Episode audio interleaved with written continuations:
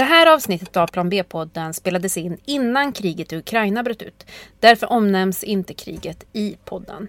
Men vi planerar att spela in ett bonusavsnitt som berör kriget och dess konsekvenser inom kort. Håll utkik! Vi vet mycket men vi gör ingenting. Två likes, eh, 100% skav. Det är content. Gud, det här blev ju Biktpodden. Alltså jag är så jätte, jättetrött. Maria, du, du är ju en smart person tycker jag. Eh, klimatmedveten, koll på läget, läser tidningen. Fortsätt. Låter jättebra. Ja. Och nu ska ju du åka på charter till Kap Verde, all inclusive. Det låter ju ganska gött. ja men eller hur. Alltså det ska bli så skönt. Få lite sol, slippa slasket en vecka. Du vet hur det känns så här års liksom. Mm, ja men verkligen. Men du, bara en liten fråga. Hur resonerar du? Du vet ju att flyget är liksom, ja, men ganska så dåligt för klimatet, eller hur? Ja, ja, ja, ja, ja, jag vet. Men alltså jag tänker så här, jag äter ju vegetariskt typ hela året. Eh, jag engagerar mig. Jag reser väldigt sällan, förmodligen mycket mindre än de allra, allra flesta.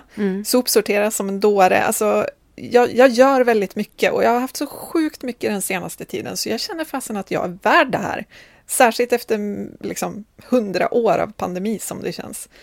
Och ja men helt ärligt, vad, alltså, vad spelar det för roll vad lilla jag gör? Ärligt. Ja, men okej. Men jag håller med.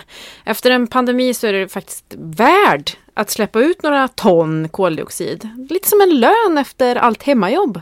Så bon voyage på dig! Tack! Och hörni, ni som lyssnar, välkommen till ett unnigt nytt avsnitt av Plan B-podden. Den här gången ska vi snacka beteende. Hur vi människor fungerar när vi ställs inför fakta om klimathot och vad som händer i vår hjärna när vi liksom inte riktigt får ihop bilden av oss själva som klimatmedvetna med valen som vi gör. Men innan vi börjar med det så ska vi lyssna på ett klipp. Eh, för det första eh, upptäcka att det finns en spricka i en. Alltså man vill ju leva som man lär. Och samtidigt så eh, är det ju så mycket som vi eh, tycker är härligt och vill och har vant oss vid. Och när det krockar mot vad vi egentligen kanske vet att vi bör, då är vi ganska så uppfinningsrika när det gäller till att komma på argument. Och då har vi då alltså kontotänkande. Ah, ni har redan har du plockat fram här. plockat fram du har liksom så här, Ja. Vi kallar det här för Ja, kontotänkande. jag har gett dem namn. Eller jag och min kollega Nina Worms som är på KTH som jag jobbar med. Vi har gett dem namn, de här sätten att tänka. Och ett av de vanligaste är det här kontotänkandet just.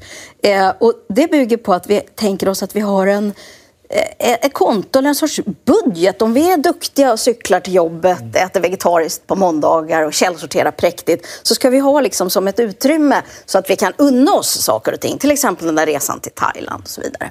Men väldigt många av de här sätten att tänka och alldeles specifikt när det gäller kontotänkandet bygger på ganska problematiska missförstånd. Till exempel att det skulle ge någon sorts liksom, minus att göra någonting mer klimatvänligt. Egentligen så ger det ju bara ett mindre plus, så att säga.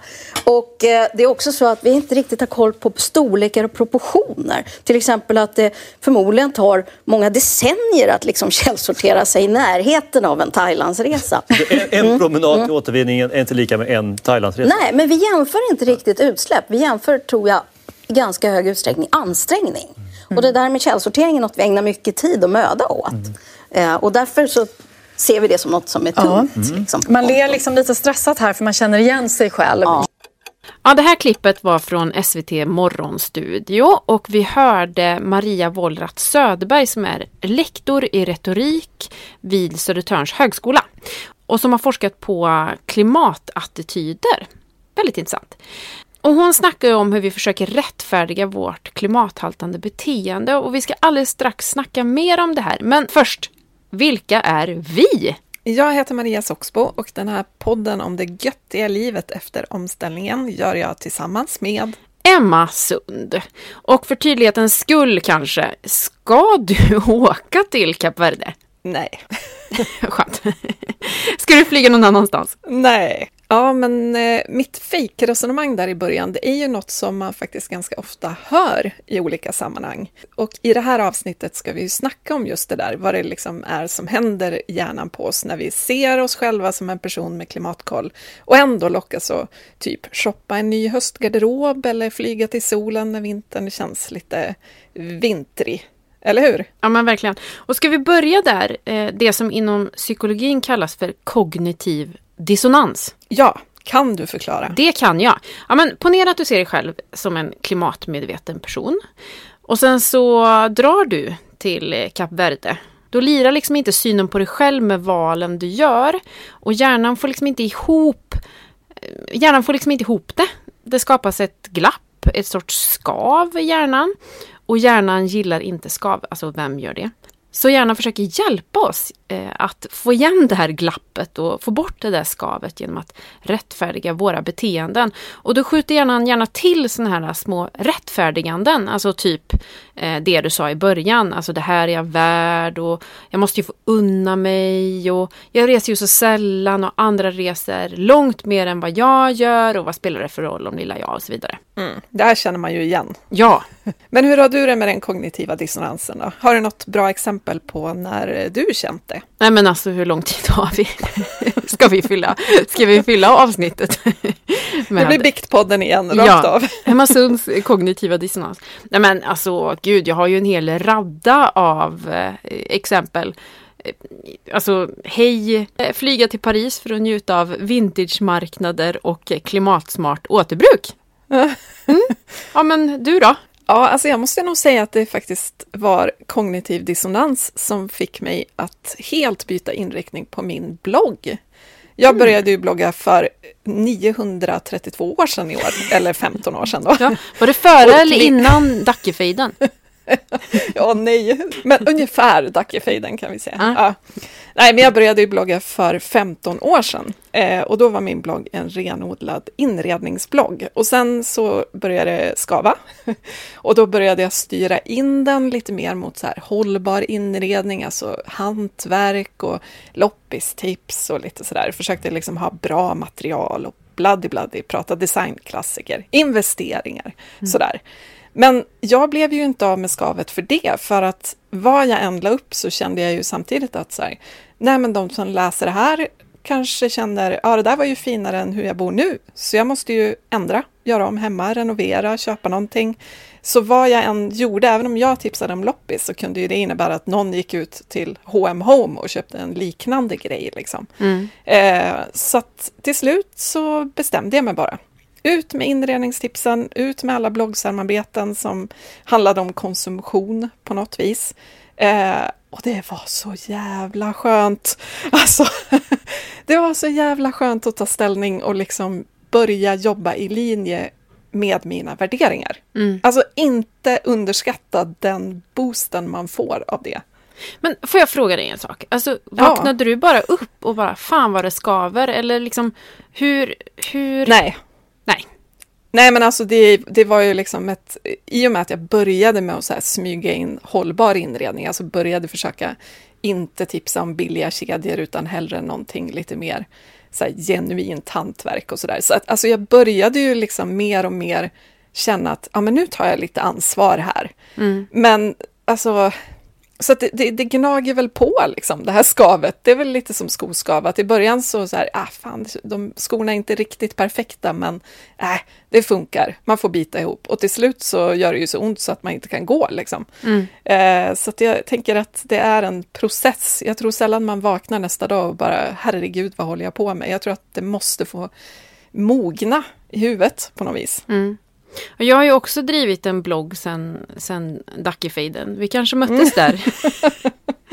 Men jag var liksom inte så vass som du, som förstod själv vad jag skulle göra.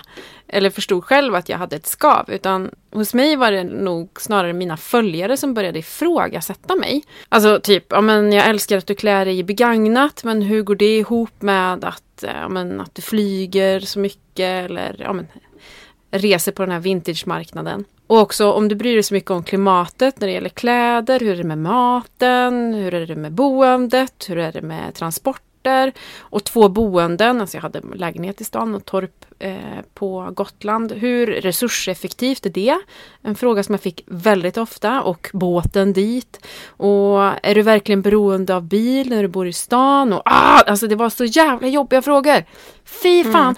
Och de där, alltså det här skapade ju sånt skav och obehag i kroppen. Och jag tror att de gjorde det för att det låg någonting i det. Att jag inte riktigt fick ihop argumenten själv heller. Jag ville inte ha det där skavet. Och jag kan, idag kan jag ju känna en tacksamhet för de där kommentarerna för att det pushar ju mig framåt att vilja göra en förändring. Mm. Eh, att försöka skippa skavet även om det var sjukt jobbigt. Såklart. Men det här är ju intressant, tänker jag, för att jag har ju inte fått den där typen av kommentarer förrän kanske någon enstaka gång de senaste åren. Mm. Eh, och det beror ju på att innan jag började ställa om min blogg så var den, jag, jag, ut, liksom, jag, jag promotade ju inte någonting egentligen hållbart. Alltså du har ju alltid klätt dig i vintage. Så att man har mm. ju en bild av dig som klimatmedveten, sen liksom Dackefejden. Eh, mm. Medan jag var en vanlis, en helt vanlig Svensson som, som shoppade och flög och, och så vidare. Och då är, då är det liksom lättare att leta fel hos dig för att du gör någonting rätt också.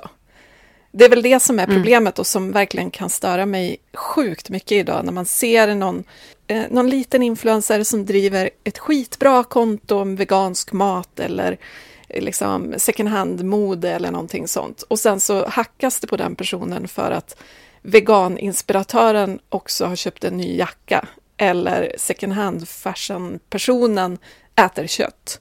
Och då ska man mm. dit och hacka istället för att liksom se det som att den här personen ju gör väldigt mycket mer än vad snittet gör och mm. dessutom försöker inspirera fler att ställa om. Men det här leta mm. fel, liksom. och det är väl också ett sätt att rättfärdiga det man själv gör, tänker jag. Alltså om mm. Emma som har så mycket begagnat kläder äter kött, ja men då, då kan jag också äta kött. Och då är det liksom lättare att hacka mm. på dig än att själv försöka förändra sitt beteende, tror jag. Mm. Och, och, förmodligen en frustration att jag som nog många inte gör tillräckligt. Alltså jag tror att det är liksom så dubbelt det där. Alltså, eller så här ska jag säga. Jag eh, måste eh, försvara mina följare i att många av kommentarerna var väldigt välmenande.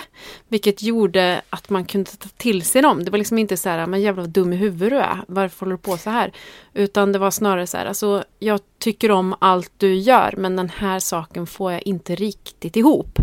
Eh, Nej, så det precis. var liksom välmenande. För risken är ju att man, man säger någonting för att sätta dit någon. Ja, men och då exakt. Vill man, då vill man inte göra någonting. Alltså en influencer som får en kommentar som är så här flyger du dum i huvudet? Eh, det gör mm. ju att man inte ens vill försöka lita. Alltså, det är lättare Nej, att precis. inte ha någon moral alls än en dubbelmoral på något vis. Exakt, att det ställs alldeles för höga krav på de som försöker och inte några krav alls på mm. de som inte anstränger sig alls. Och jag vet ju att dina följare, alltså de allra, allra flesta, är ju supergulliga och jättekonstruktiva liksom, i sin mm. feedback. Och det är ju det jag tänker att, att så borde vi ju vara generellt, att säga så här, jag har den här grymma bilden av dig som medveten och smart, allt det här som du sa till mig i början, när vi fejkade ihop att jag skulle ut och flyga, mm. eh, att du är som liksom påläst och så vidare. Hur tänker du kring det här? Mm. För det är ändå ett sätt också att säga, jag, jag tror mycket om dig, jag vet att du är smart, men jag får inte ihop ditt beteende. Istället mm. för att trolla någon och bara säga, varför är du inte perfekt din idiot? Liksom. Mm. Eh, så det är väldigt mycket hur man, hur man, på vilket sätt man lägger fram kritik, tänker mm. jag. Jag måste också ändå säga att jag, jag, förstår dem som, som, som är ute och härjar i kommentarsfälten och säger så här, flyger du din jävel? ja, kanske inte riktigt så, men man förstår att det är så mycket frustration och förmodligen klimatångest och stress som ligger bakom det. Alltså det är inget, det är inget försvar, men det är Galtuppen. Eh, mm. det, är, det är kanske ett sätt att förstå varför de typ, den typen av kommentarer finns. Precis. Var det tuppen som skrek av klimatfrustration där bakom? ja, jag går bara igen. ja. Nej, men jag tänker att Men det är, är- precis så, för den känslan kan ju jag få också, att jag så här, de allra, allra flesta dagar tänker morötter är bättre än pekpinnar och så försöker jag inspirera och peppa och tjoa och vara glad och liksom, ja men vara en, en positiv kraft för det här göttiga livet efter omställningen. Men vissa dagar så är man ju bara frustrerad och vill typ gå ut och kanske slå folk i ansiktet och skrika dem i örat. Det, det, jag försöker lä- lägga band på mig, men ja, Ja men lite ruska folk på stan. Alltså gå runt och Ja. bara hallå, hallå, hallå, hallå. Kom igen nu, vakna. Ehm, precis. och eh, det är ju en expressbiljett till, eh, till galenskap. Ja men vad, vad är problemet? Alltså jag tänker att ett problem är ju att vi lever i ett samhälle som i princip bygger helt på ohållbara normer. Vi renoverar fullt fungerande kök för att de har fel färg, för det gör ju alla inom citationstecken. Eh, vi går inte på fest i samma klänning två gånger. Vi tvättar våra kläder efter några timmars användning. Vi tar, det här är ju ditt favoritexempel, vi tar bilen till gymmet för att springa en mil. Eh, och apropå Kap Verde då, så är ju verkligen normen att semester är lika med flyg. Allt det där är ju normer. Och vi byter kläder, alltså vi har olika outfits varje dag. För det, så gör man. Eller ja, de flesta, inte jag. Inte jag heller. Nej, skönt. Vilket i och för sig till minst hälften beror på att jag är för lat och bekväm för att hålla på. Ja men exakt. Man bara, de här kläderna funkade igår, det var skönt. Den tar bara igen. en liten fläck, det är ingen som ser. Nej. Ja.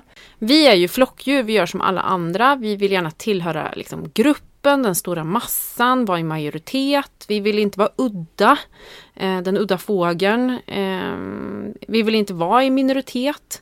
Och vi vill kanske inte heller ställa oss på tvären, att vara liksom en annorlunda. Så vi sällar oss till, vi sällar oss till normen och tar på oss en ny tröja fast vi vill kanske ha den där som vi hade igår och förrgår och dagen innan. ja, men precis. Och det är ju också, alltså samhället gynnar ju dem som följer de ohållbara normerna. Det Mm. finns ju en anledning till att nyköpsbutikerna ligger mitt i stan så man kan åka kollektivt, Mm. medan många loppisar ligger ute i något industriområde dit man måste ta bilen. Mm. Eller Eh, rekoringar på parkeringsplatser. Det, alltså, det Ja, andas inte liksom så här krisp om man säger så. Nej, precis. Så att liksom allting är ju bäddat för att vi ska bete oss ohållbart. Så det är klart att det inte bara det är ju inte bara det här att åh, det är jobbigt att gå emot flocken som är ett problem, utan det är också jobbigt att behöva krångla till det Mm. när det finns ett alternativ som oftast är mycket enklare, även om det är ohållbart. Ja, men, Men sen är det ju det här intressanta också med, med hur vi funkar med så här kortsiktiga eh, belöningar, systemen i hjärnan. Liksom. Jag läste om någon amerikansk undersökning som visade att den genomsnittliga shoppingkicken när vi köper något, kan du gissa hur länge den varar?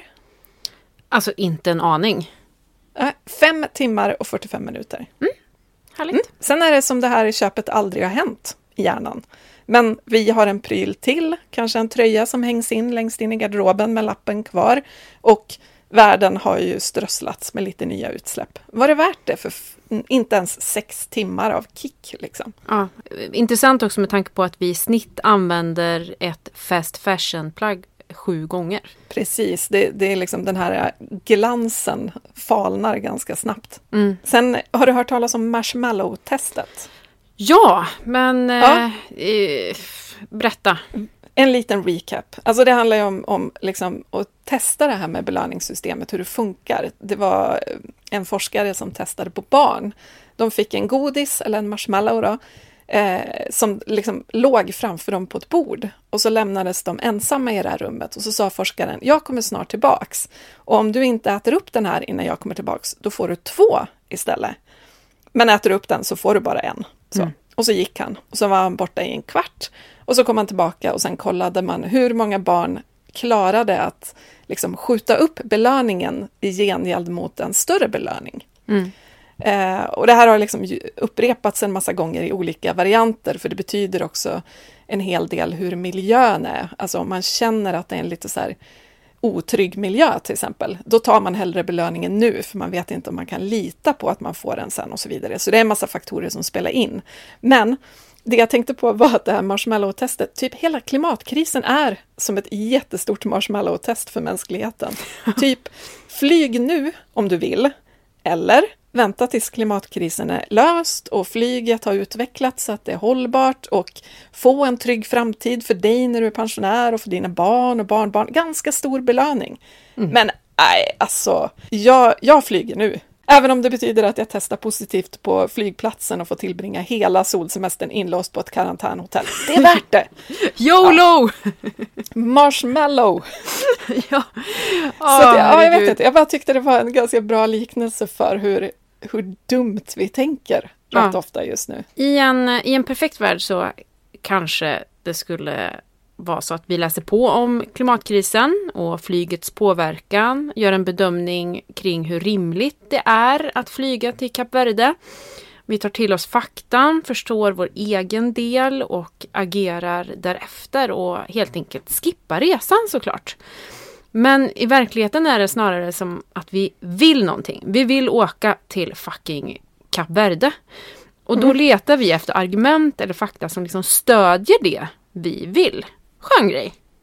Ja, men det är ju så. Det är ju det här rationaliserandet av ett felaktigt beteende, så att vi vet att det är felaktigt. Och då måste man hitta argumenten som liksom ändå så här, nej men det gör inget, därför att så. Vi vill så, alltså vi blir som treåringar. Som vi bara, men vi vill, vi vill, vi vill bara. Men det går inte. Men vi vill. Alltså jag har inte sagt, jag har ju förklarat det här flera gånger. Jag vill ju.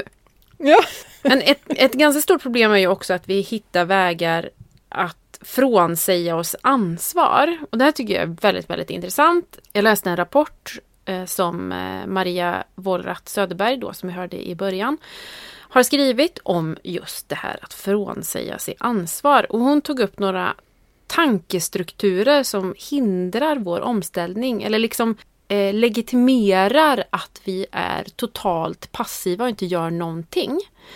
Eh, och, och nu tänkte jag lista några av de argumenten. åh, spännande. Hör här. Ja, men jag är hoppfull, det kommer lösa sig. Har du någon kommentar på det? Jag kommer nog osökt att tänka på ett ganska berömt citat som lyder så här. The greatest threat to our planet is the belief that someone else will save it. Ja. Ja, men det löser sig. Någon har ju säkert tänkt ut något smart. Mm. Och så lutar vi oss tillbaka i soffan och sätter på Netflix. Skön grej. Vi slipper agera. Eh, här kommer eh, en till då. Eh, ett ti- till argument. Det är systemet som måste förändras, inte jag. Det är ju till hälften rätt. Alltså systemet måste ju förändras. Det går inte att leva hållbart i ett ohållbart samhälle och ja, men vi behöver liksom fundera kring det här med evig tillväxt och en massa sådana här grejer ju. Men tankevurpan är väl att man glömmer att i princip alla stora samhällsförändringar, systemförändringar, börjar med att medborgarna börjar kräva förändring. Så att vi, vi, vi måste ju också förändras på så vis att vi börjar ställa krav. Och det är ju lättare att ställa krav om man själv också förändras. Alltså det är dumt att hålla på och kriga för en vegonorm om man själv äter kött tio mål i veckan. Liksom. Det är lättare att känna sig så här stark i sin övertygelse om man lever som man kräver. Ungefär så. Ja. Men alltså det, är ju, det, det ska ju inte bara hänga på individen, utan det är ju alla måste dra åt samma håll. Men vi är ju, en, vi individer är ju en del av opinionen. Ja. Och vad vi gör påverkar alla andra, apropå att vi är flockdjur. Men okej, här kommer ytterligare ett argument. Tekniken kommer att rädda oss. Alltså jag är så jätte, jättetrött på den här. Eh, ja, men, alltså så här, tekniska framsteg kommer ju hjälpa oss att lösa en hel del problem. Så är det ju. Vi, vi är ju rätt smarta vi människor, så vi bygger ju fiffiga grejer. Liksom. Det är ju en del av vår, vår talang. Men det tar ju tid och jätte, jätte, jättemycket pengar att utveckla teknik som löser en klimatkris. Det är Ja. liksom ingen, ingen kort brief där.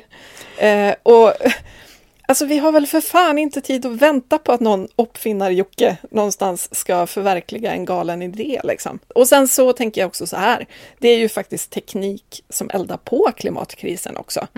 Vi, vi har textilfabriker som spottar ut polyesterplagg och de görs med hjälp av teknik och fossilbilar bygger på teknik och ja, men liksom, allting vi gör bygger ju på teknik. Så det är inte som att det finns en sorts teknik och den är god och bra. Vi är ju skitbra på att uppfinna superkastteknik också. Och så, ja, jag vet inte heller om det känns så supersafe att säga så här, men tekniken kommer att rädda oss och sen luta sig tillbaka och hope for the best. Aj, det känns lite vanskligt att lägga alla äggen i teknikkorgen så att säga. Jag tänker att, att den eh, briljanta uppfinnare som tar fram tekniken som löser klimatkrisen, hen får säga så. Ingen okej. annan. Nej, bra. Eh, ytterligare ett argument är att andra är värre än jag. Och det här tycker jag är intressant för det går alltid att hitta någon som är värre än en själv. Och vi är ju fenomenala att hitta exempel om det så är grannen, kollegan eller en kändis eller Bolsonaro. Alltså det går ju alltid att hitta någon som är skitdålig på någonting. Nej, och jag tänker också, det går ju eh, också alltid att hitta någon som är bättre. Ja. Men vi letar inte lika noga efter det. Nej. Vi skulle ju kunna tänka så här, hur står jag mig gentemot alla människor jag känner? Och så visar det sig att 60 procent av dem är bättre på att cykla och handla begagnat och så vidare. Och det hade ju varit lite jobbigt att inse, så då kanske det är lättare att fokusera på den där grannen som står och puttrar på tomgång varje morgon. Ja, men någon, någonting som jag tyckte var väldigt intressant som eh, Maria tog upp i klippet i början var det här med kontotänkande. Att vi känner att vi, vi tänker att vi har som en budget. Mm. Eh, som är ytterst osynlig men som vi känner att vi hela tiden jobbar mot. Till exempel att vi, vi källsorterar eller eh, äter vegetariskt som du var inne på. Då har vi helt plötsligt här sparat in som en pott som vi kan brassa ut eh, genom att flyga till Kap Verde. Och det tror jag, den här typen av, av tänk tror jag är extremt vanligt. Och jag har själv sysslat med den typen av ah, trading så att säga. Ja, herregud ja. Jag och min man ville väldigt gärna åka till Maui. Så vi sa så här, men om, om fem år, då borde det vara okej. Då liksom bara hitta på så här, en, en tidsspann. Ja, just det. Vad baserar ni just fem år på? Ja, men det känns lång tid till framtiden. Alltså, så Ja, här, ja, det. det är jättelångt. Alltså, vem vet vilka vi är då? Då, då kan vi resa, för då, då var det så länge sedan vi flög och så. Så gick de där fem åren och sen så, så kändes det liksom inte riktigt, det kändes fortfarande skavigt liksom. Jag hörde ju också till exempel från ganska många som inte har barn. Jag har inga barn, så därför kan jag flyga hur mycket jag vill. Mm. För att eh, barn just har utpekats i vissa artiklar och sådär som det värsta man kan göra för klimatet är att få barn. Mm. Eh, och det har vi ju gjort ett helt avsnitt om. Det kan man lyssna på om man vill veta mer om det resonemanget. Men, men generellt också, alltså jag sopsorterar hela året, då får jag åka till Bali och yoga eh, och så vidare. Mm. Och det Maria sa i klippet är ju jätteintressant, det här med att det man glömmer då är ju att det man gör bra är ju inte minusutsläpp. Allt vi gör släpper ju ut. Hela vår livsstil släpper ju ut. Det är bara att vi kan begränsa utsläppen. Så att det, det finns ju ingen pott att flyga upp sen. vi är ju bara närmare en, en livsstil inom planetens gränser. Liksom. Planen är ju att vi ska leva på ett ton koldioxidekvivalenter per person och år. Och vi svenskar släpper idag ut i runda slängar 8 till 9 ton koldioxidekvivalenter per person och år. Och utsläpp har också en tydlig koppling till inkomst. Så att de med riktigt höga inkomster kan släppa upp uppemot vad är det, 47 ton Ja, har man precis. räknat ut. Så att ja, vi har en, vi har en ganska eh, lång väg att gå. Den där 47-tonnaren får ju källsortera sig blå alltså. Innan fy det är fan, dags alltså. att flyga. Ja, det, det blir kämpigt. Ska vi snacka om det här med normer? Ja, men jag tänker mycket på det här med normer och sammanhang och grupper. Eh, vi är så färgade av vårt sammanhang. Att umgås med dig till exempel och bestämma sig för en eh, klimatsmart livsförändring. Det är ju som att gå ut som Joseph Gordon-Levitt i 500 Days of Summer och automatiskt få bakgrundsdansare efter sig. det är liksom känslan. Eh, det är liksom inte svårt att ge upp flyget, eh, handla begagnat, äta i säsong och snacka klimat om man har liksom en gospelkör som hejar på en.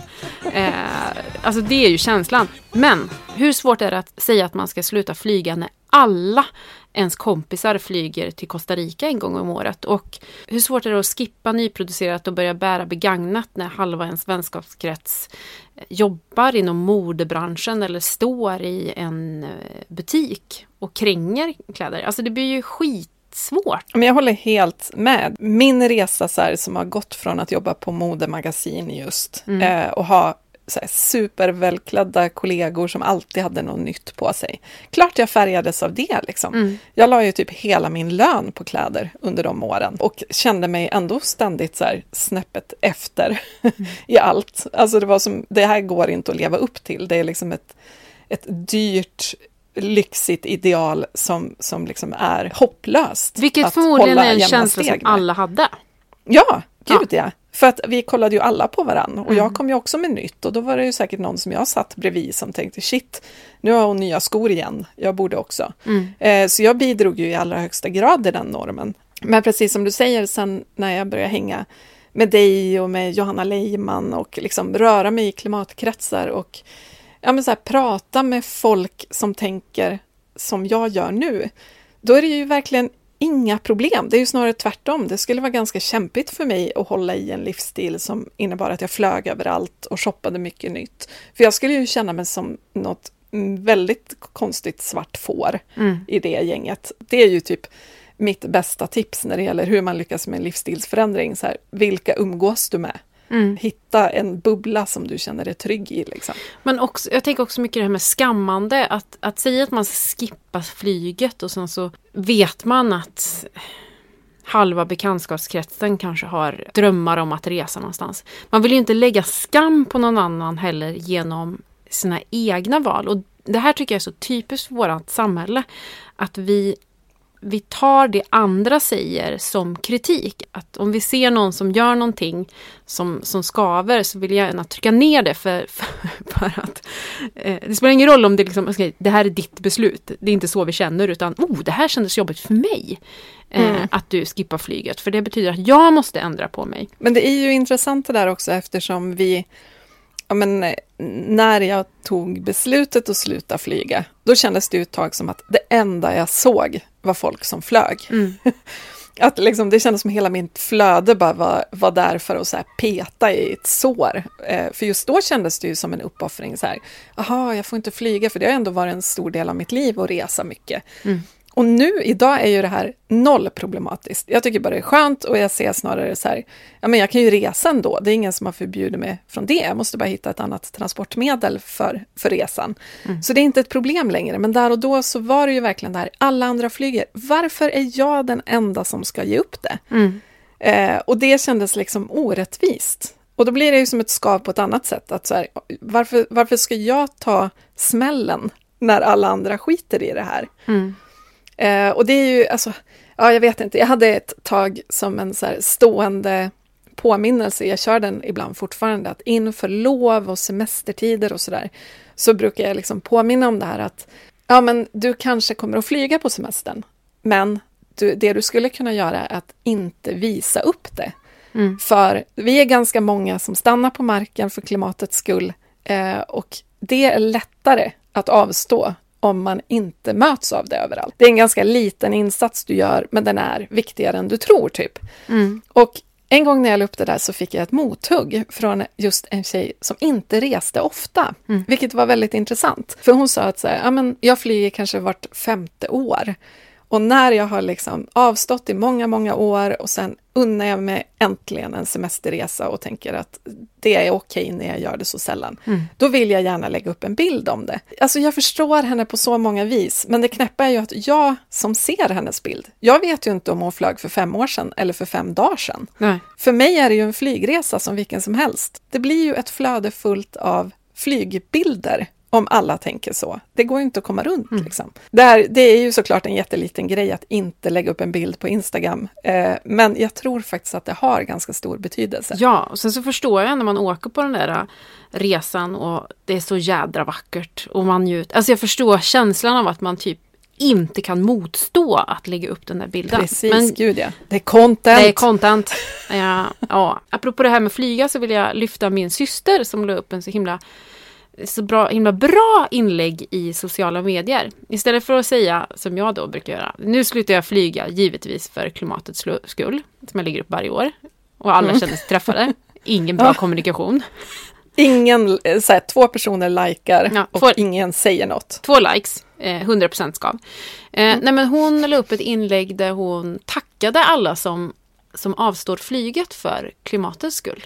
Eh, och liksom så här, vad grymma ni är, vilken stor effekt det ger. Eh, och verkligen hyllade dem som avstod. Och sen så skrev hon att, att hon själv såklart också avstod. Men det blev liksom inte så mycket Det blev nog inte så mycket skav utan det var mer en hyllning och det tror jag var alldeles förträffligt sätt att gå tillväga. Ja, och tagga in de personerna som man har sett gjort tågresor ute i Europa eller vad det nu kan vara. Ja, alltså, lyfta. Här, hylla dem, lyfta dem, ge dem en boost. Plus att det då, det här inlägget får ju liksom en, en fem gånger så stark impact för att man ser att det är inte bara Emma Sund som avstår, utan det är Emma Sund och fyra av hennes kompisar också. Mm. Typ. Uh, nu ska inte det här avsnittet bli så där långt som det alltid blir. Men jag Jo skulle då, vilja ta det upp ska det där det. med trollspöt som jag berättade för dig om Ja, eh, ja. för några veckor sedan.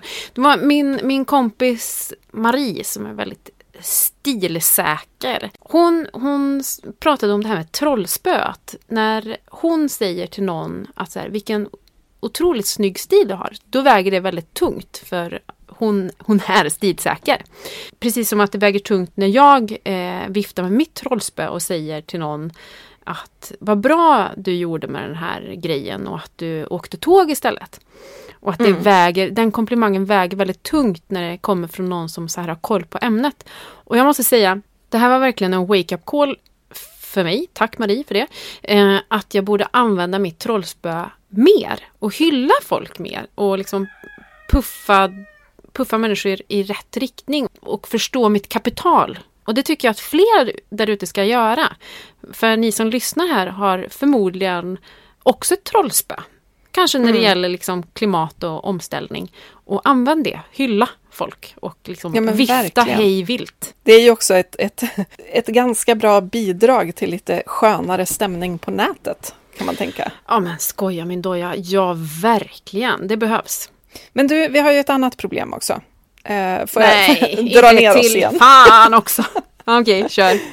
Ja, men det är ju att vi som människor är alldeles för bra på att anpassa oss.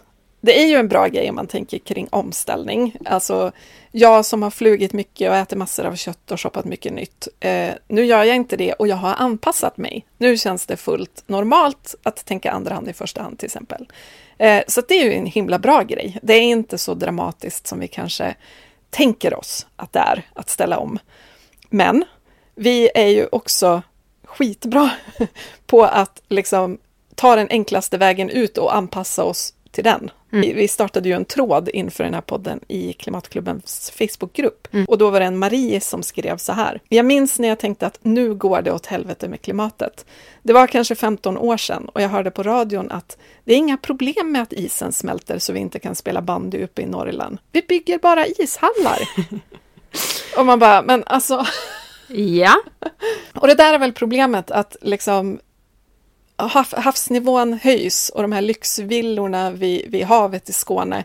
Ja, men finns det bara pengar så bygger man en ny villa 50 meter upp och så tänker man den har också sjöutsikt. Alltså att vi är lite för bra på att anpassa oss till, till vad som händer istället för att faktiskt förändra någonting. Men hur kommer vi runt det här då, tror du? Alltså just att vi är så här, ja men vi vänjer oss, det är väl okej. Att det blir varmare, gud vad härligt. jag tror mycket på att göra som vi gör nu. Att, att prata om vårt beteende och förstå hur vi fungerar. Det Mm. Ja, hjälper mig verkligen. otroligt mycket. Alltså när jag lockas att köpa saker och de här, jag direkt hör mig själv. Eh, ja, jag hör röster i huvudet, inga problem, ingen fara med det. Men alltså när man hör så här, man, det spelar ingen roll. Eh, det var ju så länge sedan jag köpte något. Eller, alltså man hela tiden blir liksom medveten om en sätt att agera. Eh, det tror jag är superviktigt. Ja, men det tror jag med också, att ju mer man pratar om det, desto lättare är det att man upptäcker det också. Det är väl precis som att vi också ska prata om alla normer, för att de är så starka så att det inte ens säkert att vi är medvetna om att de styr oss. Nej, gud Men nej. börjar vi prata om hur sjukt det är att vi tvättar liksom alla plagg efter några timmars användning. Ja, just det. Det är inte som att jag har spilt. Hur illa kan det vara liksom? Eh, så jag tror också att det är jättebra att, att hela, hela tiden synliggöra alla de här eh, faktorerna som liksom påverkar vårt beteende. Det tror jag är super, super bra verkligen. Sen har vi det där också som heter knowledge action gap. Det vill säga, vi som människor har ju liksom vetat om att klimatkrisen är på gång i decennier. Hur Mm. många decennier som helst typ.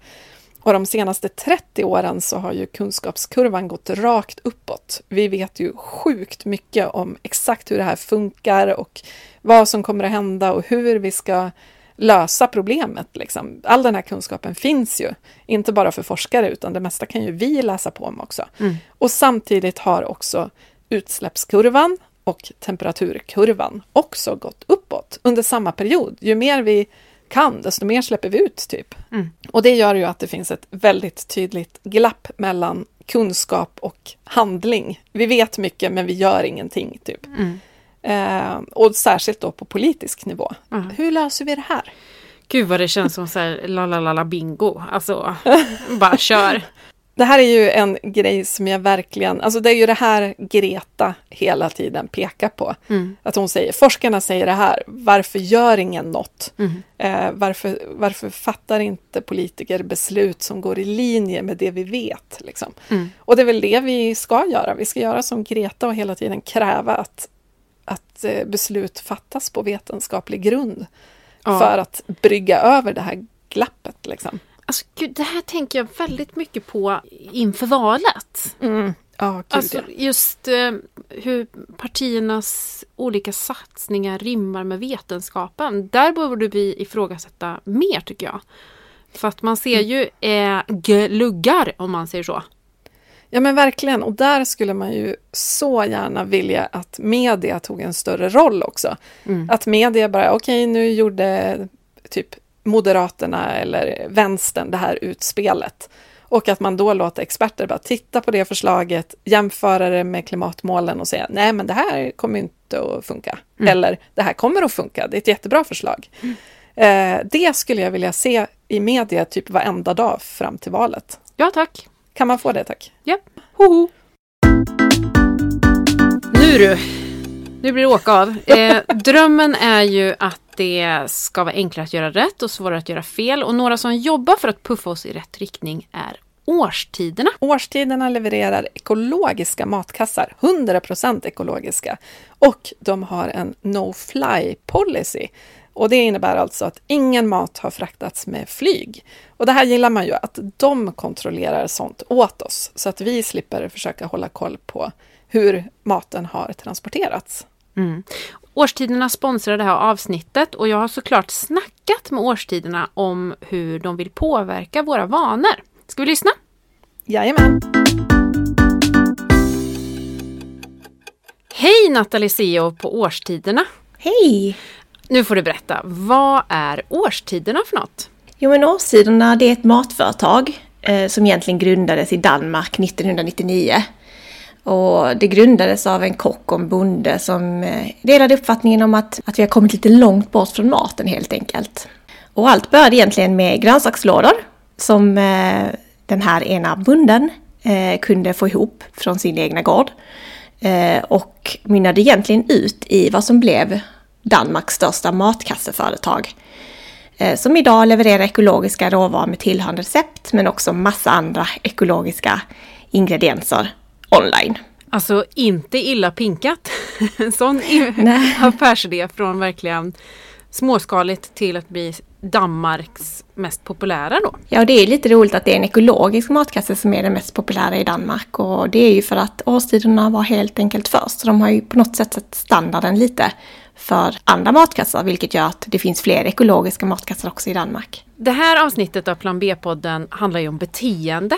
Hur puffar ni oss konsumenter i en vettigare riktning? Ja, men det är ju en svår uppgift såklart. För vi vet ju att det är svårt att ändra gamla vanor och kanske ställa om och leva mer hållbart. Det finns så många val man måste göra hela tiden, särskilt när det gäller maten, alltså vad man lägger på tallriken. Och det vi vill göra egentligen är att inspirera fler att välja ekologiskt. Att man får en större förståelse för vad det innebär. Men också äta mer växtbaserat. Och det vill vi göra genom att erbjuda fantastiska råvaror som också smakar riktigt gott. Så den här matglädjen är jätteviktig för oss. Att vi vill få fler att upptäcka hur mycket variation det finns att utgå från i ett växtbaserat kök. utan att ens då måltider behöver innehålla rött kött som vi inte erbjuder faktiskt i vårt sortiment i Sverige. Eftersom vi vet att det har en stor negativ påverkan på klimatet. Och i vårt sortiment fokuserar vi då främst på vegetariskt, veganskt, men vi har ju också flexitariska matkassar. Eh, för den som vill eh, ha en dag fisk, en dag fågel och två dagar vegetariska rätter. Och anledningen till det är att vi vill liksom möta kunderna där de är på sin resa mot att äta mer grönt och mindre animalier. Så att man inte måste kanske gå direkt på en vegansk matkasse men att man kan börja sin process med en flexitarisk kasse. Och vi tänker ju att om man beställer en matkasse så är det ju ett väldigt enkelt sätt att faktiskt ställa om och prova något nytt om man beställer den från årstiderna. För att då kan man vara säker på att allt är eko och att man får i sig riktigt mycket grönsaker. Och sen så tänker vi också att genom vårt stora sortiment av ekologiska råvaror så kan vi också visa vilken stor mångfald det finns när man väljer eko. Eh, och vi har ju precis lanserat en ny butik, Jordens bästa. Och i den så hittar du grönsaker som är jättesvåra eller till och med omöjliga att hitta eko någon annanstans. Lite annorlunda roliga grönsaker som vi också tror bidrar till den här matglädjen återigen som vi är ute efter. Och ni har precis öppnat en digital matbutik som du var inne på. Jordens bästa som, som stoltserar med att inte ha allt. Det tycker jag är väldigt spännande. Vad vinner vi konsumenter på det? Ja, men vår tanke där var ju att om man handlar i en online matbutik normalt sett så kanske man får väldigt många olika val. Låt säga tio olika sorters morötter att välja på, varav en kanske är eko och kostar lite mer vanligtvis. Och då är det kanske svårt att göra det mest hållbara valet för då kanske man går enbart efter pris och det blir krångligare helt enkelt. Ehm, och man fokuserar kanske mindre på hur moroten egentligen har odlats och fraktats. Eh, om man har för många val. Men vår tanke är att då i det här sortimentet i den nya butiken som du hittar på årstina.com, eh, Jordens bästa, så har vi noga valt ut det här stora ekologiska sortimentet vi har. Och då har vi sett till att den inte har fraktats med flyg, att den är 100% eko. Sen CO2 beräknar vi dessutom hela vår verksamhet och jobbar konstant med att minska våra utsläpp. På så sätt blir Jordens bästa eh, sortimentet matbutiken som inte har allt men allt du behöver. Och framförallt det som vi tror att planeten behöver. Och sen lanserar vi också ett medlemskap, vilket gör det lättare att ställa om och välja mer eko. För medlemskapet kostar 699 kronor per år och då får man 10% rabatt på allt hos årstiderna hela året. Samt fri frakt och expeditionsavgift. Så tanken är att vi på så sätt kan hjälpa fler att göra ett mer hållbart val i vardagen och sen hjälpa dem att investera i sina matvanor och välja rätt genom att kanske bli medlem och då är det lättare när man har rabatten att göra rätt val varje vecka kanske istället för att göra enstaka val här och där som gör stor skillnad för planeten. Alltså gud vad skönt det känns att slippa massa val känner jag. Ja men det är lite det som är tanken, att man inte ska behöva fundera så mycket utan att man på något sätt kan lita på att vi har gjort den researchen. Ja, jag tänker på hur mycket tid man eh, spar. Mm. Genom att slippa stå och väga mellan eh, 40 olika varor. Eh, men du var inne på det lite grann också, men på vilket sätt vill ni förenkla vardagen för konsumenterna? Det är ju dels genom bekvämligheten som vi pratar lite om här. att Det är ju bekvämt att handla online och få allting hemlevererat. Eh, allt man behöver för att laga fantastiska middagar med riktigt bra råvaror. Det är bekvämt i sig. Men sen är det ju också det här att vi vill göra det här hållbara valet som kan vara väldigt svårt och krångligt lite enklare. Just det att man inte ska behöva göra all research själv. Eh, för att ens en vara ska få platsa i vårt sortiment så har den egentligen fått gå igenom en ganska stor gallringsprocess. Vi kontrollerar företaget och det handlar inte bara om att det ska vara eko utan det handlar också om att företaget ska dela våra värderingar för att företagets vara ska få platsa i jordens bästa.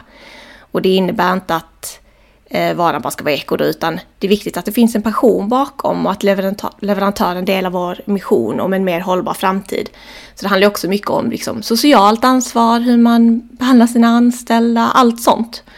Eh, så vår tanke är liksom att alla leverantörer vi samlar under ett tak ska tillsammans med oss försöka göra världen lite bättre. Vettigt tycker jag. Årstiden är ju danskt och Danmarks mest populära matkasse och helt ekologisk. Hur får vi svenska konsumenter att bli lika vassa på ekologiskt och hur kan man vara med och puffa normen åt rätt håll? Ja, alltså vi upplever lite som att i Sverige så har det varit väldigt mycket fokus på svenska varor eh, och att det är det mest hållbara.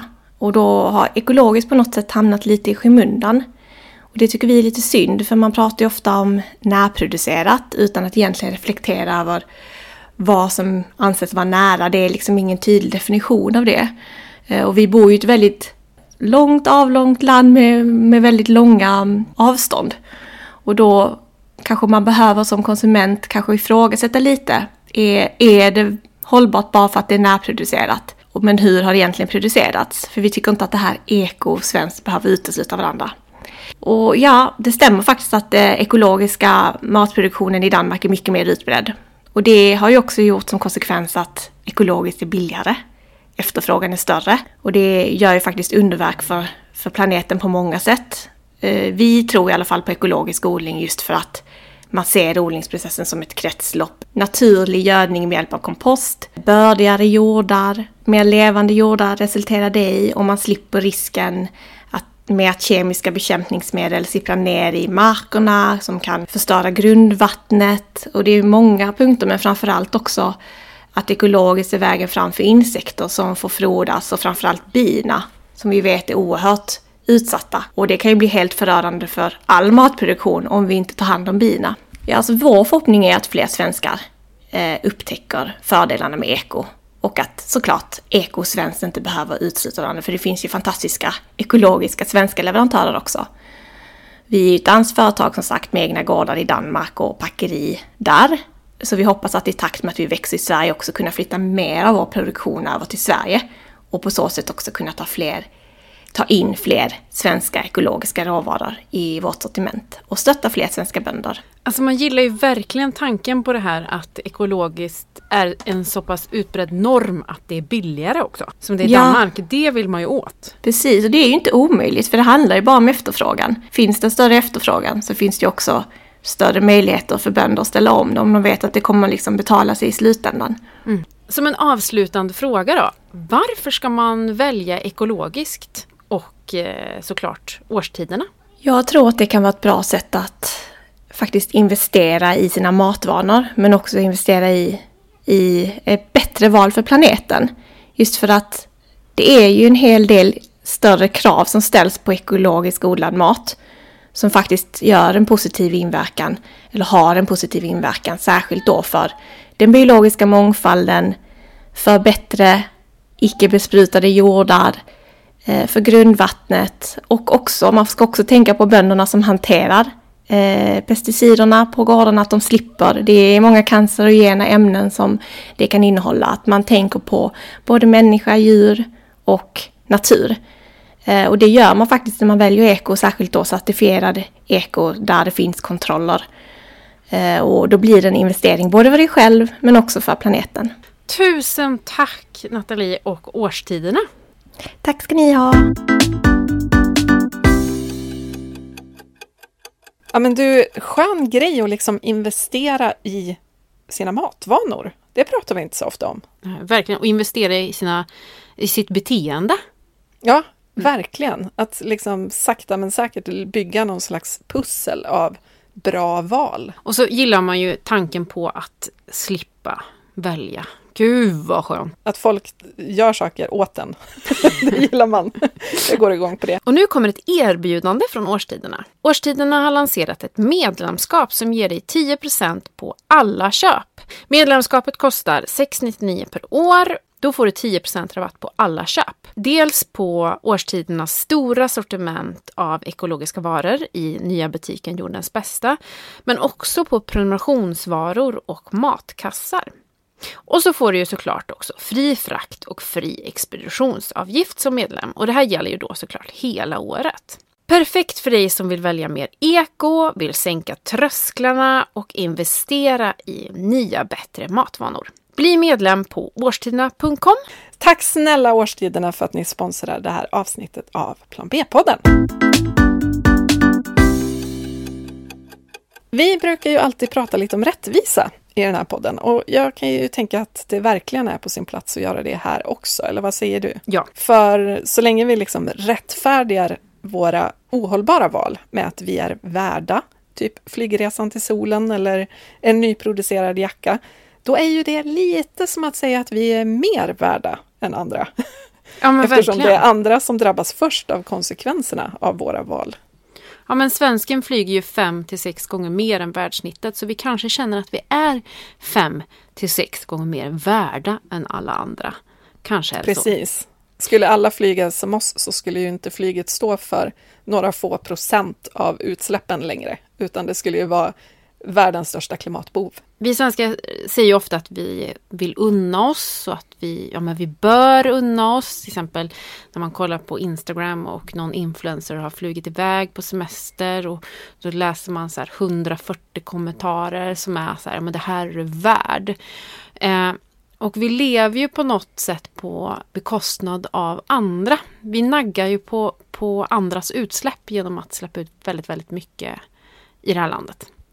Det finns det... ju till och med ett skönhetsföretag som har slogan “Because I'm worth it”. Ja men exakt. Och vi känner, att, ja, vi känner att vi är värda att släppa ut mer. Och vi är värda att nagga mer och roffa åt oss mer av, av planetens resurser. Och det känns ju inte så jävla fräscht alltså. Jag tänker också att vi kanske inte alltid hör hur det låter, typ. Nej. Eh, när jag försöker snacka flyg och få fler att stanna på marken så kommer det ju ofta det här argumentet att ja, men det är ju viktigt för oss att möta andra kulturer. Mm. Att liksom, vi får större förståelse för att människor har det svårt i andra delar av världen. Och, ja, men det är liksom viktigt med, med mångfald och så vidare, vilket det ju är. Men det man säger när man kopplar ihop det med en flygresa till Asien till exempel, det är ju att säga att alla som inte flyger till andra sidan jorden är lite mer trångsynta mm. än man själv är. Och med tanke på att det bara är några få, få procent av hela världens befolkning som någonsin har satt sin fot på ett flygplan, så är det ju som att säga att ja, 95, 96, 97 procent av världens befolkning är ganska korkade och trångsynta och känns inte så superfräscht. Inte har koll. Sen får man ju också tänka att idag lever vi i en helt global digitaliserad värld. Det är ju inte som att det är svårt att möta andra kulturer utan att lämna soffan. Jag undrar hur synen är på oss i Sverige. Alltså säg den personen som drabbas av klimatförändringarna först och värst. Som inte har orsakat dem på något sätt. Och sen så sitter några privilegierade människor i Sverige och bara, ja men jag känner fan att jag är värd här. jag har varit i en pandemi, jag har suttit hemma, jag har inte blivit smittad, jag har mat på bordet, tak över huvudet, det är inte några havsnivåer som hotar mig. Men jag känner ändå att, nej, jag vill unna mig.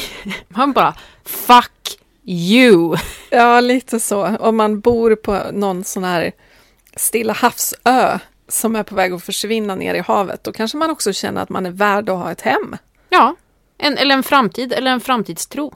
Äh, det här är, det är lite start. Och jag tror liksom, för ofta de här argumenten, ja men det är viktigt att möta andra kulturer. Det låter ju så bra och det är ju såklart ett sätt att rättfärdiga, men jag tror också att man verkligen tror på det. Mm. Det är mm. inte bara något man säger, utan man tycker att det är viktigt att möta andra kulturer och sådär. Eh, någon bekant till mig rättfärdigade sina flygresor till andra sidan jorden med att hennes barn som följde med på resan fick lära sig om havet för att de snorklade i Karibien och så vidare och visste nu att det är viktigt att ta hand om koraller och eh, liksom allt det här att det blev som en utbildningsresa, mm. hävdade den här föräldern då. Och alltså det där stämmer ju också såklart. Den här, det här barnet har ju lärt sig någonting på den här resan och fått en fantastisk upplevelse och så vidare. Men till vilket pris? Liksom? Mm. Jag tror att vi, vi liksom slår nästan knut på oss själva för att det ska kännas bra att göra det vi bara vill.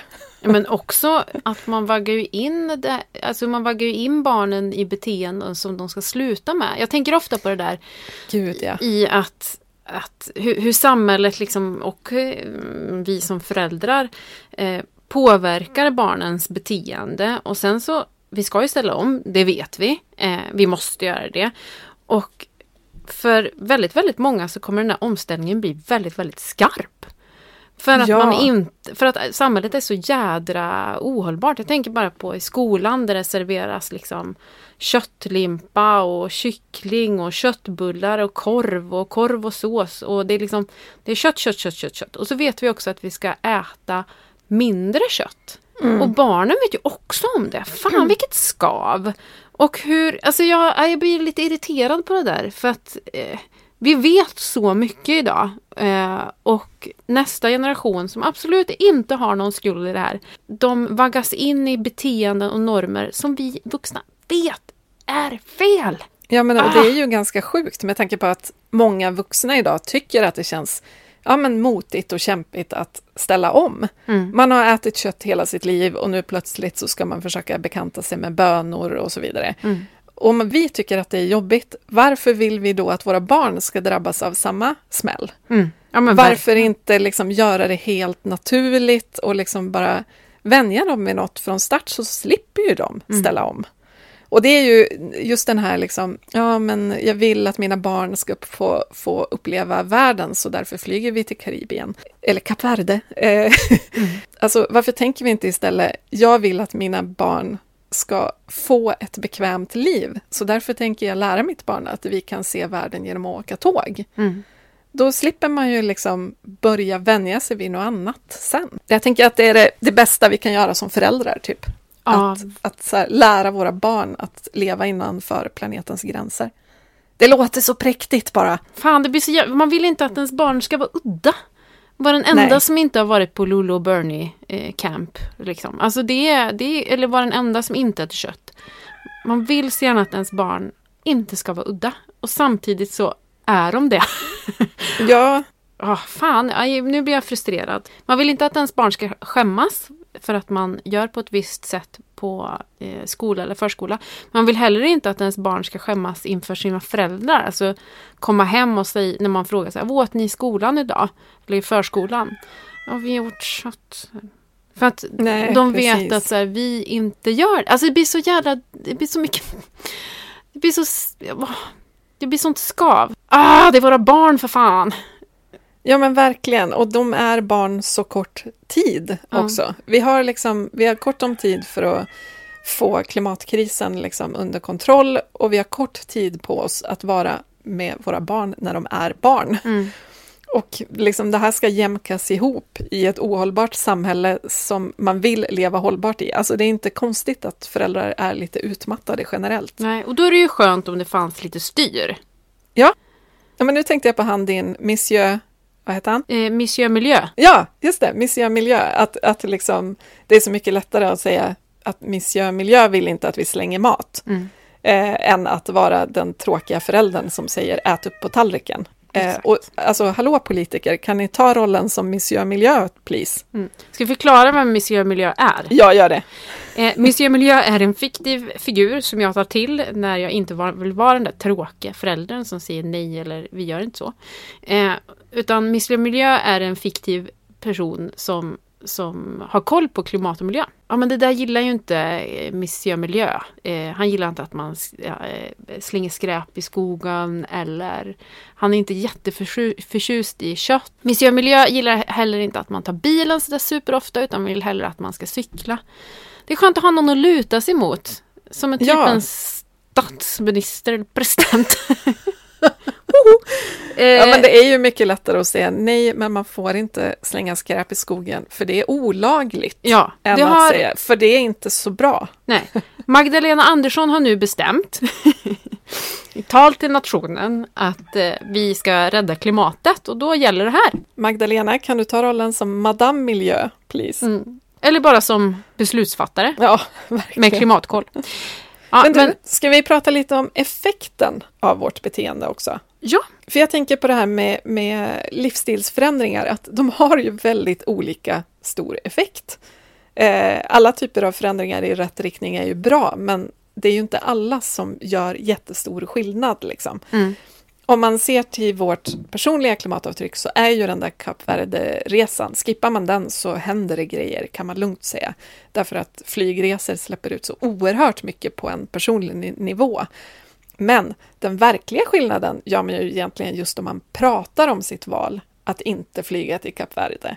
Eftersom det finns forskning som visar att 50 procent av de som hör att någon annan har slutat flyga flyger själva mer sällan sen. Så att om vi berättar det för 100 personer, då är det 50 personer av dem som sen skippar en flygresa. Fatta ringarna på vattnet. ja, alltså älskar det här. Och, det, jag tror att vi missar den potentialen väldigt Ja, ofta och att vi verkligen. blir för insnöade. Bara, men jag ska ändra, jag ska försöka leva perfekt. När det är egentligen bättre att man, man, liksom, man gör det man kan och sen pratar man jättemycket om det istället. Mm. Och, och anledningen till att kanske inte alla snackar om det, det är ju för att vårt samhälle är så pass ohållbart idag. Och som vi var inne på förut, att det kanske känns som att trampa någon på tårna så fort man berättar att man gör någonting hållbart. Och det är ju bara för fucked up. Vi svenskar, vi är väldigt försiktiga, vi känner in och vi vill inte trampa någon på tårna. Vi vill inte säga någonting som någon kan uppfatta som kritik. Eller liksom så här att man säger att ja, men, jag, eh, jag har slutat äta kött. Då kan, vill man inte att det ska kännas som, som skav hos någon annan. Man tar väldigt mycket ansvar och tänker in. Och det är ju någonting bra och fint. Men jag såg, eh, jag var väldigt deep down eh, i streamingtjänster eh, häromveckan. jag har sett slutet av internet kändes det som. Eh, och såg på en sån här, en, en fransk reality-serie som handlar om en familj som sålde eh, lyxboenden i Frankrike. Ja, eh, vi behöver inte säga så mycket mer om det. Men, men det var väldigt intressant för den här familj, franska familjen var väldigt rätt fram när man pratade med varandra. I att, men vad fan gjorde du sådär för? Och det var liksom inga hard feelings utan det var mer så man så här, pratade med varandra. Så här, men ja men du då, varför gjorde du så? Det var inget bråk utan det var liksom ett sånt här vardags samtalstjafs där man liksom löste saker och sa vad man egentligen tänkte. Och, Avdrama avdramatiserat. Liksom. Ja men verkligen så här. Ja, men, men jag vill inte att du ska flytta, varför ska du flytta? Det är en jättedålig idé. Eh, tänk på mig för fan! Det man egentligen tänker men aldrig säger. Och det var så himla skönt att höra ja, men någon som faktiskt sa vad man tänkte. Inte sa ja. det och funderade på hur det uppfattades, utan sa vad man tänkte, rätt och slätt. Skön Men det är ju lite, det är ju lite som Maria Wollratz Söderberg också sa, det här med, med hur vi viktar olika saker i det här kontotänket. Mm. Att om någon säger, men jag har källsorterat hela året så jag får åka till Bali. Att säga, men så kan du väl inte resonera? Nej. Det är ju det där franska rakt på. Ja. Du får ju källsortera i flera decennier. Eller hur, ja precis, men det går ju inte ihop. Nej, det är ju, det är ju intressant tycker jag. Och, och jag önskar att jag var med... mer så. Jag är så långt ifrån det. Men ja, jag, jag önskar att jag var det. Verkligen. Det är, det, det är en egenskap som är ganska cool mm. att ha. Och jag saknar den tyvärr. Men jag tänker att vi, apropå effekt just, att vi också fokuserar på fel saker. Alltså att vi fokuserar på just sånt här som sop, sopsortering, mm. som ju borde vara så himla självklart i det här landet med tanke på alla system som finns för det. Att det inte det borde liksom inte vara ett livsstilsval längre, utan det är typ en hygienfaktor. Mm. Nu vet jag ju att det inte är det för alla, men, men liksom, det är ju inte kanske något som man så här, skryter om längre i klimatsammanhang, att man sopsorterar. Liksom. Nej. Men förutom att vi då liksom fokuserar på det, så övervärderar vi ju den insatsen väldigt mycket och sen kvittar vi den mot semesterresor. Men också finns det ju det här när vi fokar på helt knäppa grejer typ som kanske leder till mer konsumtion.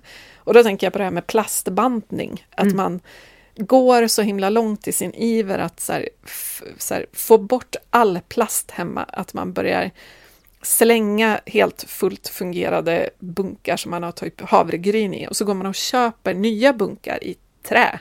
Eller mm. något. Och det, det, det är sånt, liksom, åh vad vi lägger energi på fel saker, känner jag då. Förmodligen för att det är en väldigt konkret grej och som rimmar med sättet vi har lärt oss att man handlar i dagens samhälle. Ja, man konsumerar. Man konsumerar. Mm. Vi brukar ju citera Agnes Osolins eh, när vi föreläser också. Hon är alltså medlem i Klimatklubben och hon har ju sagt en så sjukt smart grej.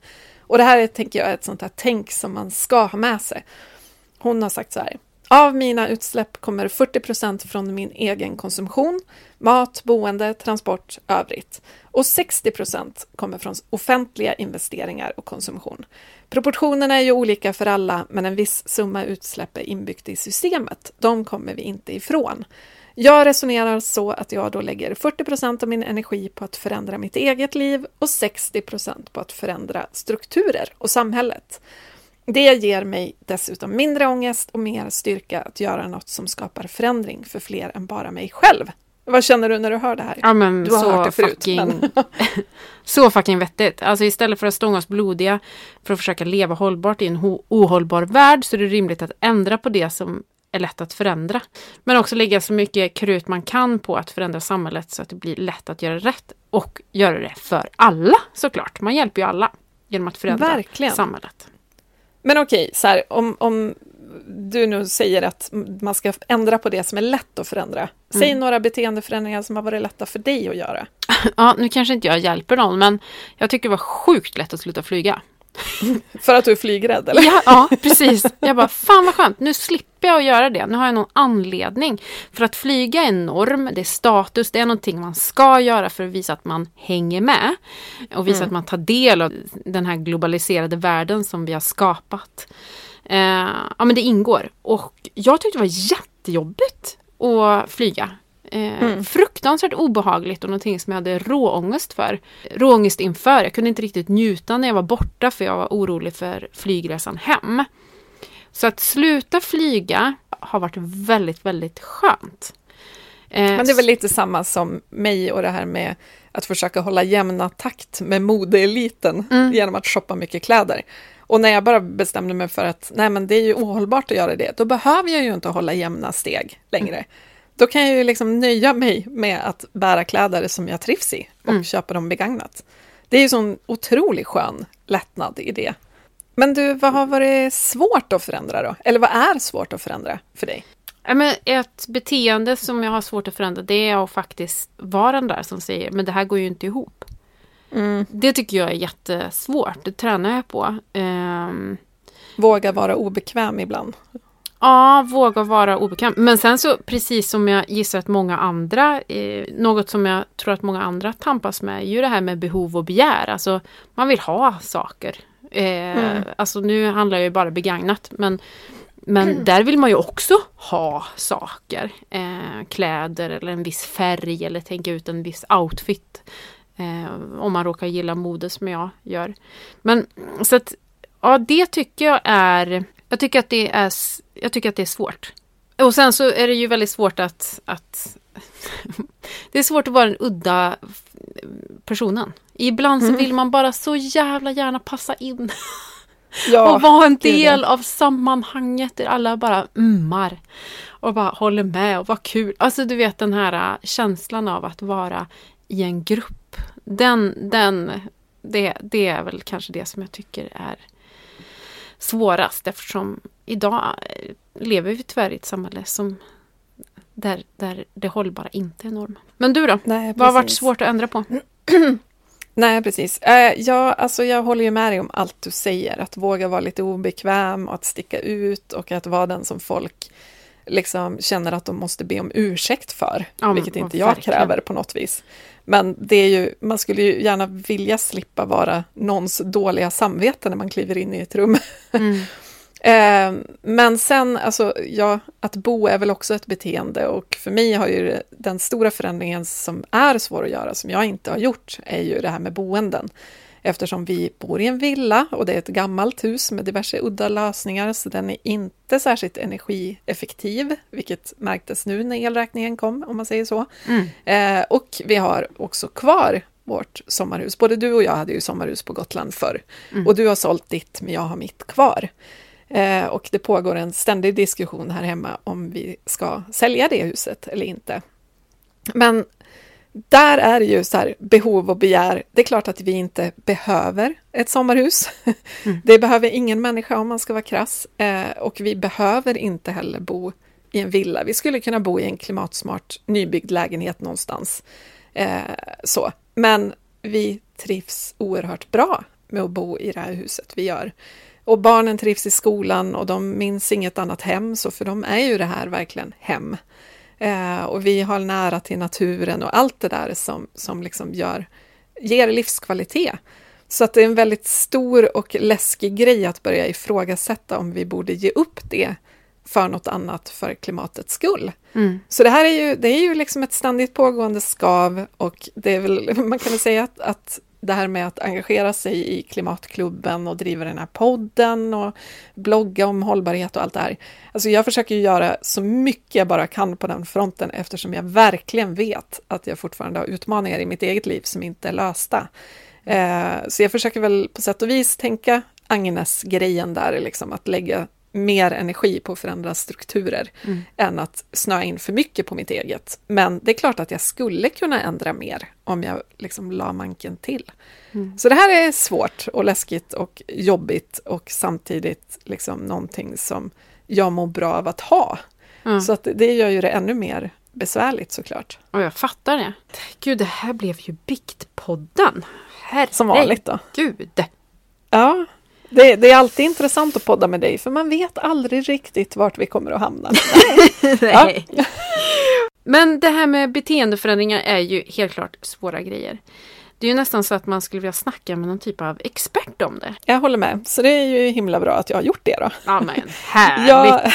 Jag, jag ringde nämligen upp Kata Nylén som är en av klimatpsykologerna för att få veta mer om varför vi gör på det här viset och vad vi kan göra åt det. Ska vi lyssna? Ja! Hej Kata! Hej! Du, än så länge är det ju väldigt många som liksom kramar sin ohållbara livsstil. Varför känns det så himla motigt att förändra hur vi lever och våra beteenden? Ja, det finns ju flera anledningar till det egentligen, men eh, generellt så är det väl så att vi, vi människor är ganska dåliga på att förflytta oss till ny beteendeförändring. Alltså vi, det är massor saker som gör att vi håller oss kvar. Vi är inte så förändringsbenägna egentligen. Men däremot har det visat sig att när vi väl har hamnat i nya beteenden, när vi nästan tvingas in och göra nya beteenden, då är vi jättesnabba på att anpassa oss och vänja oss vid det nya. Som i pandemin till exempel, att vi då vänjer oss väldigt snabbt vid att eh, leva och kanske jobba hemifrån eller träffa mindre människor och så vidare, så blir det det nya normala ganska snabbt. Eh, men så svaret på din fråga är ju inte riktigt det, men till exempel så vet vi att vi människor, vi har väldigt svårt att bli av med saker. Det, det är som en tankefälla eller liksom en, en grej som vår hjärna har som helt enkelt är att vi är kodade på att vi ska hålla kvar lite vid sånt som vi väl har. Så vi tycker det är väldigt mycket jobbigare att bli av med någonting än vad vi tycker om att få någonting egentligen. Ehm, och dessutom så är det så att vi har, när vi väl liksom har investerat tid, engagemang eller pengar i någonting, det kan ju vara allt ifrån ett sommarställe till en livsstil som handlar om att man byter kläder väldigt ofta eller lever liksom så här ganska fossilberoende livsstil som vi har investerat liksom, ja, antingen tid eller engagemang eller, ja, eller ja, resurser i på olika sätt och vis. Då, då vill vi liksom fortsätta investera i det. Det är som att vi har grävt en grop och så vill vi inte börja gräva en grop på andra sidan fältet utan vi vill fortsätta gräva för att se om det kan bli lite djupare. Där kanske du känner igen om du så har läst en bok som är jättedålig och så fortsätter du läsa den boken. Eh, Ja, det känner jag igen. Precis, det, det är det här som det, vi kallar det för osund uthållighet och det drabbar omställningen väldigt mycket. Att vi, så här, vi håller fast, vi står ut med våra fossilberoende liv. Vi liksom fortsätter och gräver oss djupare och djupare i den här livsstilen fast att vi egentligen vill ändra på oss och vi egentligen tycker det är viktigt med omställning. Men hur ska vi liksom tänka då för att de här beteendeförändringarna liksom inte ska kännas så dramatiska och att vi ska sluta gräva vår egen grav? Men man ska inte tänka att vi kommer ändra på oss genom att vi vet om hur akut läget är eller genom att vi eh, börjar värdera naturen mer eller så, utan information och värderingar verkar inte leda till beteendeförändring, utan verkar, mm, däremot så är det mycket viktigare med sociala normer till exempel. Det styr våra beteenden jättemycket, alltså hur andra människor i vår närhet eller andra människor vi tycker är viktiga eller som vi ser upp till beter sig. Så där kan det ju vara ett knep att försöka ja, omge sig av sådana människor som beter sig på det sättet man vill eller det sättet man strävar och man liksom tycker att det är lite svårt att få till de här hållbara beteendena. Det är mycket, mycket, mycket starkare än att man ska läsa en artikel till om hur akut klimatkrisen är. Så. Eh, men sen är det ju egentligen så som det här exemplet jag tog med med pandemin där att vi behöver strukturförändringar. Sociala strukturer är en struktur men sen har vi också juridiska strukturer, ekonomiska strukturer. Så vi behöver cirkulära alternativ, vi behöver eh, lagar som säger till oss att vi inte får använda fossila bränslen på samma sätt eller att vi inte får förbruka energi på den nivån vi förbrukar energi på nu. Och då kan man ju tycka så här, ja men de lagarna finns inte, vad, vad kan jag göra åt det? Och då handlar det ju om att se på sin hållbara livsstil eller sin beteendeförändring kanske primärt hur man kan bidra till att få till de strukturförändringarna. Så hur kan man göra det genom att engagera sig, bli mer aktiv medborgare helt enkelt. Det kan vara att skicka in medborgarförslag, det kan vara att eh, skriva debattartiklar, det kan vara att eh, eh, försöka påverka genom att starta en podd till exempel, som, som ni har gjort, eller starta eh, Klimatklubben, gå med i Klimatklubben kanske. Så allt det här påverkansarbetet, det är ju att det där behöver vi agera tillsammans, där behöver vi agera kollektivt. Och det går ju ganska mycket hand i hand med det där med sociala normer egentligen, alltså det att vi styrs av, så ju mer vi kan hitta sådana sammanhang och vara i där det premieras att leva hållbart men där man också kan jobba tillsammans för att få till de här lagförändringarna eller strukturförändringarna och ändra förutsättningarna liksom kring beteendena, desto lättare kommer det bli. Ja men gud vad spännande. Du, tack snälla Kata för att vi fick låna dig lite. Ja men tack för att jag fick vara med. Alltså Kata är så grym person och jag kan varmt rekommendera också boken Klimatpsykologi som hon har skrivit med två kollegor. Jag tycker den var helt fantastiskt bra för att få liksom, ja, men så här, lite mer grepp om vad som är värt att lägga energi på. Typ. Och man kan också följa klimatpsykologerna på Instagram. Där de heter Klimatpsykologerna. Och där kan man få ytterligare tips. Precis, och gillar man poddar, vilket jag tänker att man kanske gör om man lyssnar på det här. Nej, man gillar bara Eh. en podd. Ja, man gillar bara en podd, Ja. det är sant. Eh, Men om man får för sig att gå lite, lite utanför sin egen comfort zone och lyssna på en podd till, så driver Kata Nyléns psykologikollega Kali Andersson också en humorpodd som heter Klimatkänslor tillsammans med en komiker som heter Elin Almen. Och det här med humor och klimat, det kombineras ju inte superofta kanske. Nej. Så jag tänker att det här kan ju vara en ganska bra en bra podd att testa om man vill ha en lite annan ingång på hela ämnet. Typ, vilket man kan behöva ibland. Du, ska vi snacka lite nudging kanske? Eh, ja, Eller hur? Jag tycker ju beteendeekonomi och beteendevetenskap generellt är så himla spännande. Att det går att förändra vårt beteende utan att först tjata hål i huvudet på oss så att vi ändrar attityd. Vilket är ditt favoritexempel på nudging för hållbarhet? Ehm, favoritexemplet är väl ett exempel som vi har tagit upp. Jaha, Eftersom vi är så fruktansvärt smarta du och jag. ja. I, I vårt avsnitt om butiken så pratar vi om våran drömmatbutik. just det. Där eh, majoriteten av alla varor hade lågt klimatavtryck och var lokalproducerade och så vidare. Och Just ekologiska och bra på alla sätt, alltså utvalda. Så 80% skulle vara ja, men bästa valet och sen så hade vi några procent som var så här, eh, gul avdelning. Eh, som var så här, eh, det här skulle du äta ganska sällan. Det var så här, undanskuffat i något hörn. Eh, kanske var tvungen att gå igenom någon port. Och sen så var det röd Röd avdelning. Det var typ eh, sånt där som, eh, som flygimporteras. Alltså socker, ärtor, eh, färska bär, sparris, eh, exotisk eh, jätteovanlig frukt. Det var beställningsvara. Det fanns inte ens i butik utan togs hem vid behov. Det är liksom mitt Ja, men ett av mina favoritexempel på nudging där det är svårt att göra fel. Vi, vi knuffas till att göra vettiga beslut. Vad är ditt favoritexempel? Mm, alltså mitt har också med mat att göra. Det här med att hotell och restauranger kan minska sitt matsvinn, spara pengar och ha nöjda kunder bara genom att minska storleken på tallrikarna vid sina bufféer. Ja, Vi har ju liksom en tendens att är det buffé, då lassar vi på. vi ska känna att vi får mycket för pengarna, så vi liksom fyller tallriken med råge. Och sen orkar vi såklart inte äta upp, för det är ju helt orimliga mängder mat. Men om tallriken är mindre, då lassar vi lika fullt, för vi vill ju fortfarande få valuta för pengarna. Men mängden är ju mindre och då orkar vi äta upp. Och då betyder ju det att matsvinnet minskar, restaurangen eller hotellet sparar pengar för att de inte behöver slänga så mycket mat och vi är nöjda ändå. Så det här tycker jag är svinbra. Sen gillar jag också det förinställda valet. Alltså att man sätter typ vegansk mat som förinställt val när man ska beställa mat för konferenser. Så de som vill ha kött, de måste beställa specialkost. Eh, och det här gäller ju på massa sätt, att till exempel ska man välja elavtal så ska det vara 100% förnybar energi som det förinställda valet, eller miljöfrakt i webbshoppar och så vidare. För att vi är ganska lata. Vi kommer i de allra, allra flesta fall ta det förinställda valet, för vi orkar inte ändra. Mm. Och det här är ju sjukt effektivt och jättebra. Det här borde ju alla tänka på, tänker jag. Ja, jag tänker också på skolbespisningen, när man slänger ut menyn. Eh, eller i förskola. Att prata om pasta med sås, indisk gryta. Eh, man pratar inte om vad som är i. Eh, Nej, det, är inte, det. det är inte köttbullar och potatis, det är inte köttlimpa och potatismos eller vad man nu har till.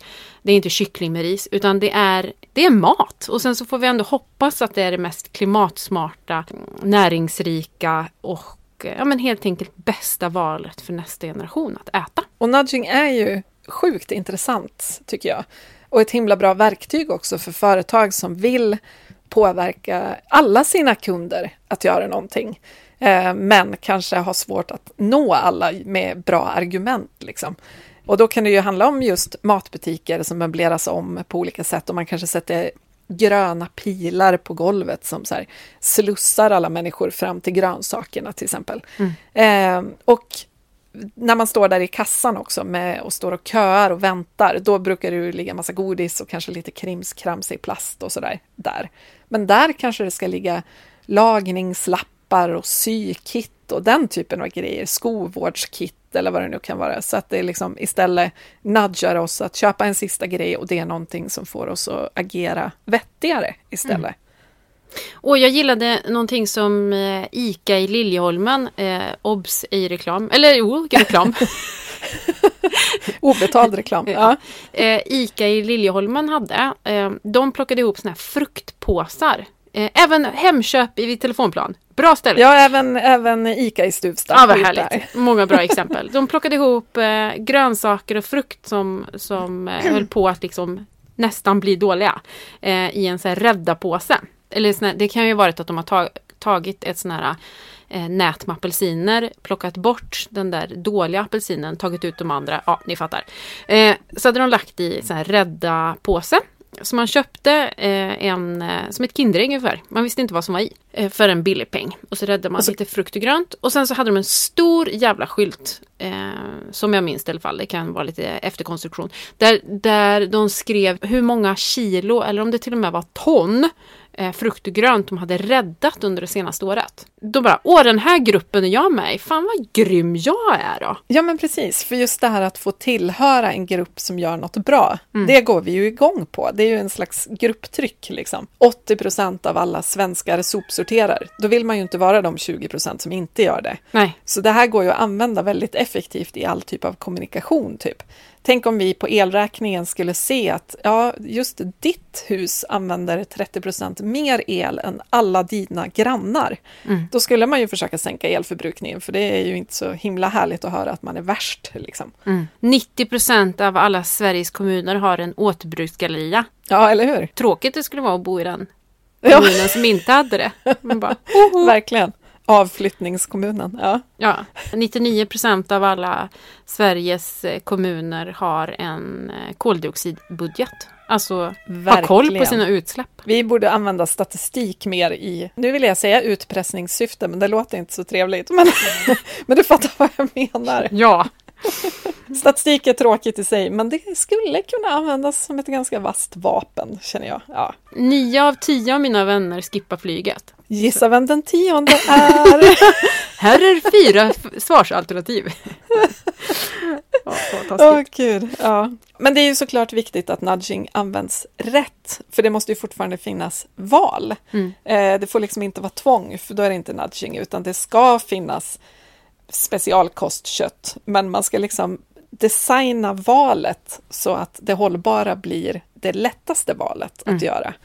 Eh, och så måste man ju komma ihåg det här också med att man faktiskt inte ändrar på folks attityd. Utan att de här som har ätit på en mindre tallrik vid en buffé, de kanske sen går ut och sätter sig i sin fossilbil och kör hem. Liksom. Eh, men däremot så ju mer hållbara vanor vi kommer in i. Om vi, liksom matbutiken puttar in oss i att handla mer grönt, då kommer vi till slut se oss själva som en person som handlar mycket grönt. Mm. Och det i sig kan ju då förändra vår attityd. Så att det är värt ändå. Liksom. Plus att ja, vi har ont om tid och man kan få jättemånga människor att förändra sitt beteende, även om de inte riktigt fattar det själva, så är ju det en bra grej, tänker jag. Men jag tänker också på matbutiken som ger poäng på eh, när man handlar och sen så kan man om, omvandla de här poängen till flygresa eh, till Zanzibar. Tänk då om man kunde om det liksom valet Zanzibar kanske inte fanns, men att man kunde omvandla, valet fanns att omvandla sina poäng till en tågresa. Och så åker man på det där tåget och så säger eh, servicepersonalen på tåget Tack för att du reser med det här bolaget. Eh, du gör en klimatsmart handling och bara mm, Gud vad jag gör rätt, vilken god person jag är. Alltså hela Ja, tiden att vi vaggas in i ett nytt, bättre typ av beteende. Och Verkligen. får attityden på köpet, tänker jag, önskar tänker jag kanske. Ja, men jag tror ändå att det påverkar. Om vi läser på matkvittot, liksom, när vi handlar mat, och så står det att så här, ja, men 73 procent av din kundkorg är varor med lågt klimatavtryck. Då känner man ju lite så här, fasen vad bra jobbat av mig och så kanske också lite tävlingsinstinkt vaknar.